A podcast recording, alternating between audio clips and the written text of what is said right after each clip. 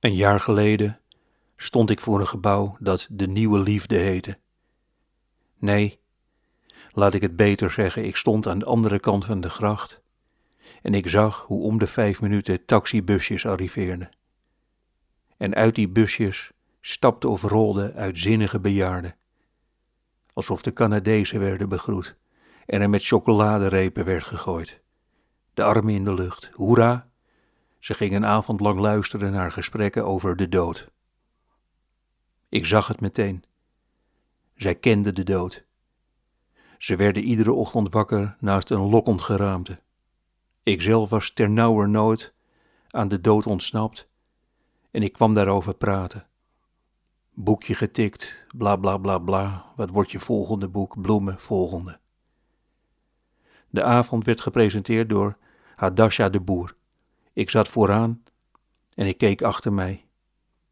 Ik zag een zaal vol mensen handen wrijvend wachten. Zij gingen vanavond het onverwachte einde midden in zijn smoel uitlachen. Het waren ouders, samen met hun kind van 63 jaar oud. Ze zaten vlak naast elkaar en zij snapten het. Wat ik deed, was stamelend vluchten in letters, maar zij, achter mij, omarmde het naderende einde. Verpleeghuisarts Bert Keizer praatte ons bij over de teloorgang. Hij zei iets wat ik mij als volgt herinner. Wanneer het niet zo goed gaat met oudere mannen, dan zie ik dat aan hun baard. Wanneer mannen van die lange haren rond hun ademsappel hebben, dan gaat het niet goed. Dan kunnen ze het blijkbaar niet meer opbrengen om die af te knippen.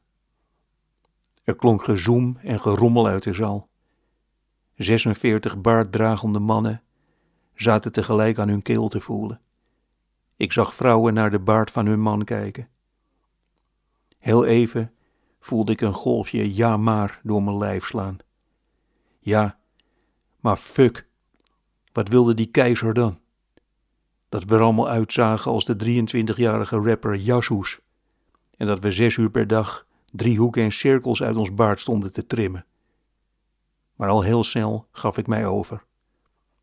Bert had gelijk. Er viel niets meer te verbergen. We konden doen alsof het allemaal wel ging, het sterven van onze vrouw, het verlies van een kind. Maar onze keel, onze dichtgeknepen keel waaruit langzaam een eenzame haar groeide, die verraadde ons.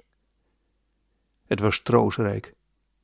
Vanaf nu zag iedereen aan ons mannen met haartjes, dat we worstelden. Kijk een plukje haar uit zijn oor, die heeft iemand verloren. Ik was aan de beurt. Als een herboren mens stond ik naast Hadasha de boer. Ze keek naar mijn keel en het was goed.